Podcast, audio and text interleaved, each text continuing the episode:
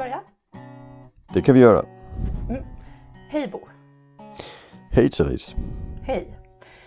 Jag har eh, läst den här boken Neurotribes av Steve Silberman. Yes. Mm. Den tycker jag är fantastisk. Nu kommer det kanske inte handla så mycket om den, men eh, han beskriver ju lite kortfattat bara eh, hur vi har sett på autism, eller annorlunda fungerande genom tiderna. Ja. Och lyfter också upp begreppet neurodiversitet, i alla fall på slutet där, om olika sätt att tänka och fungera och att vi ska öppna Precis. acceptans för olikheter och sådär. Ja.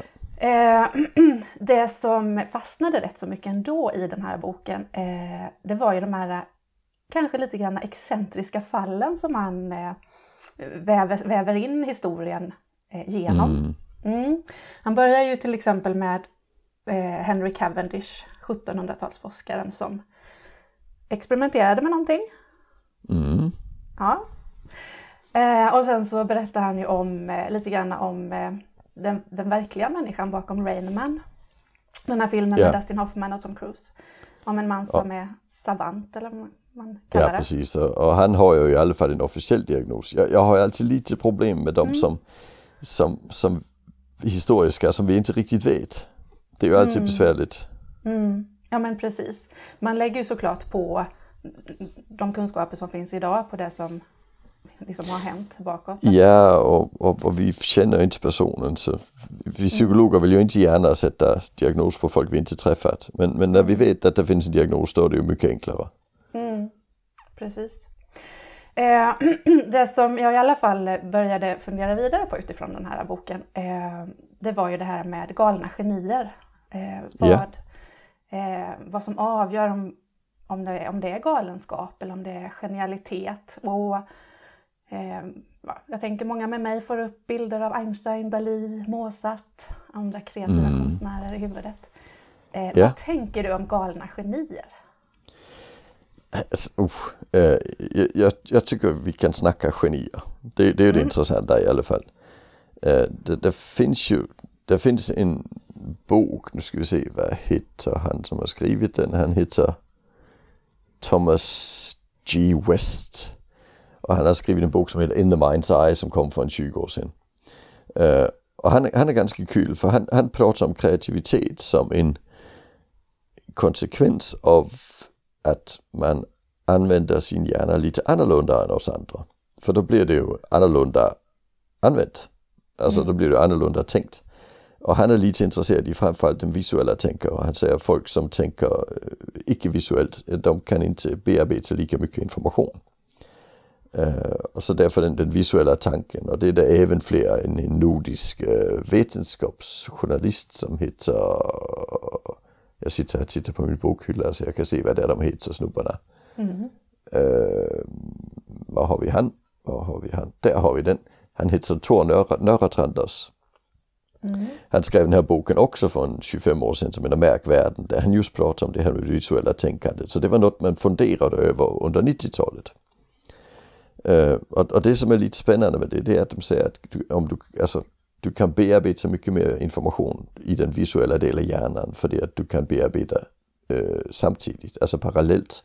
Medan i det språket kan du bara bearbeta seriellt så därför blir det mycket mindre informationsbearbetning. Och det innebär att personer som tänker visuellt då blir oftare blir bättre på att, att bearbeta stora informationsmängder och också blir kreativa i sitt tänkande. Eh, och sen Det- kopplar ju framförallt Thomas G. West, han kopplade ju detta till, till neuropsykiatri för det vi vet att det finns en större grad, eh, andel av visuella tänkare i den gruppen. Inte att alla svårigheter kan vara det, men att en del kan vara det. Eh, och, och, och det skulle ju då kunna göra att det skulle kunna finnas fler av den typen av kreativa personer i, i, i gruppen personer med neuropsykiatriska, i Ja, alla fall drag. När, eh, jag tänker den här filmen Rayman, om vi tar den som exempel igen i alla fall, även fast kanske ett lite dåligt exempel. Så eh, då pratar man om begreppet savant eh, Ja. och kopplar ihop eh, det här med att eh, men vara en hejare på huvudräkning eller minnesförmåga och, och så vidare.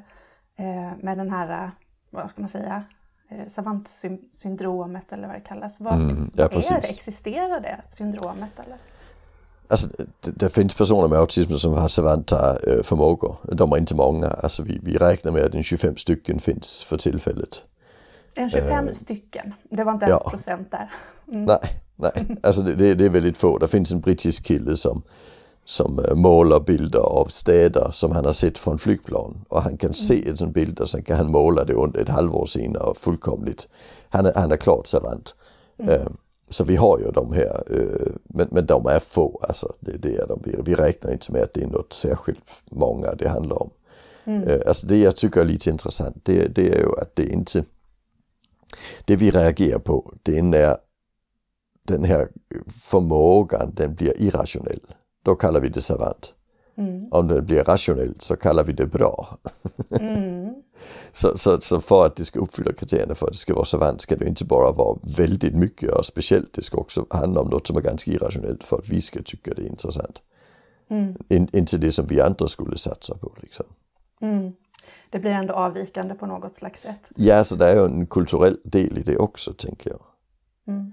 Det, det är många med autism som pratar om till exempel att de blandar ihop eh, sinnesintryck i det vi kallar synestesi och det förväntar man ju att det är en del av de personer som har matematiska savantförmågor. Mm. De använder synestesin som en del av sin savantförmåga. Är vissa forskare, som har tittat på. Eh, men det betyder inte att alla som har synestesi kan se pi. Men de få som kan kallar vi ju savanter. Men däremot så har de ju samma förmåga de tillämpar i andra delar av livet. Och, eh, till exempel är det ju det man också, det är den förmåga man också kallar att se aura inom det här fri, eh, fria, nya religiösa som finns i världen. Mm. Men det förväntar vi ju rent faktiskt är, är något som har något att göra med synestesi. Och då blir det ju ingen savant förmåga för vi tycker kanske inte att det är så relevant som pi. Så, Nej, så, det. så, så det beror lite på hur vi, hur vi tolkar. Alltså, det är inget enkelt att förhålla sig till, det kan man inte säga. Nej, det är det ju inte. Och när det trillar över och blir nästan lite, ja, alltså jag tänker ändå ordet, vad ska man säga, lite galet sådär. Man tänker, är det här verkligen sant? Då Mm. fascinerar det ju också på något sätt. Eh, samtidigt som det kanske har en sådan basal förklaring som annorlunda perception då egentligen. Ja, men och då måste vi in och di- diskutera begreppet galen. Alltså för det, traditionellt har vi ju lagt det till, alltså i samband med ordet psykos. Eller demens. Alltså det är ju de vi kallar det galna för i världen. Eh, och, och där pratar vi om att det galna geniet, det är ett geni som, som ibland överväldigas av ångest eller liknande. Eh, alltså det är ju psykiatri vi då pratar om och där, där tror jag inte jag att det verkar inte vara så att det finns en, en, en samband mellan att, att personer som är mer geniala också är, eller kloka också är, har, har mer ångest eller schizofreni. Utan är det ju mer omvänt alltså. Folk med stora svårigheter med begåvning har ju oftast störst psykiatriska problematik. Så det är faktiskt en ganska bra korrelation mellan, mellan psykiatriska symptom och begåvning. Men ju högre begåvning ju mindre psykiatriska symptom. Så det är ju några få personer som har liksom på något vis stuckit ut som man har diskuterat detta kring. Och det har ju både varit musiker och, och vetenskapsfolk. Men, men ändå är risken att, att man ska drabbas av psykiatriska problem när man har en, en väldigt hög begåvning eller är väldigt smart. Den, borde inte, den är inte större i, i befolkningen i stort. Men det kan ju vara den här kopplingen med kreativitet och NP som då kan göra att personer med NP är mer känsliga för annan psykiatri. Så det, det kan ju vara det, men, men, men det är ingenting vi kan se i ett stort statistiskt material, där kan vi inte se det. Mm. Okej, och bara reda ut begreppet synestesi lite grann. Mm. Ja, alltså, man, vi, man brukar definiera det med att, man, att, att sinnessystemen äh, blandar sig. Så alltså, det, det, det är som om att in i hjärnan där kommer synintrycket in men sen kommer det ut som en upplevelse av ett ljud.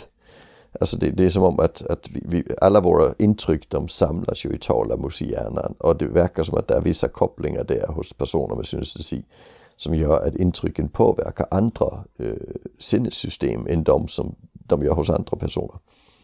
Så det är väldigt vanligt att man har en upplevelse av att siffror har olika färgkvaliteter och liknande. Så en sjua till exempel kan vara blå eller något sånt.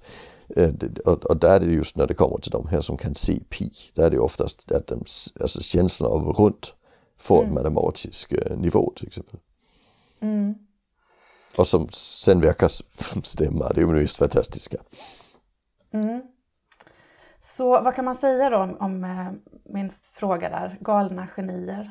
Det, det, det, är sant att det finns genialitet i världen men annars så är det kanske snarare så att galenskapen hänger ihop med något annat än att det skulle hänga ihop med att man faktiskt är riktigt begåvad. Ja, och sen kan det ju, alltså det kan ju slumpvis båda två finnas hos personen. Mm. Och sen, sen om, om, alltså om det är så att vi köper den här med det visuella tänkandet och att det är mer vanligt i NP så kan det finnas, och vi vet att psykiatri är mer vanligt i NP, så kan det finnas också ett samband. Men det sambandet är ju, alltså vi skulle kunna säga att det är medierat av NPn. Alltså det, det är inte galenskapen och genialiteten som hänger ihop men båda två kan hänga ihop med, med NP. Större mm. risk för psykiatrisk problematik och större mm. chans att, att vara lite mer kreativ. Med den höga begåvningen, den har ingenting med den, den korrelerar inte. Så det är bara ett tillfälle att den är där. Mm. Så Precis. komplexa samband. Ja, som vi kanske övertolkar lite grann om andra ord. Vi människor, ja. vi människor har en tendens att göra system av mm. allting även när de inte finns. Mm. Mm. Tack för den lilla, det lilla samtalet. Tack så mycket.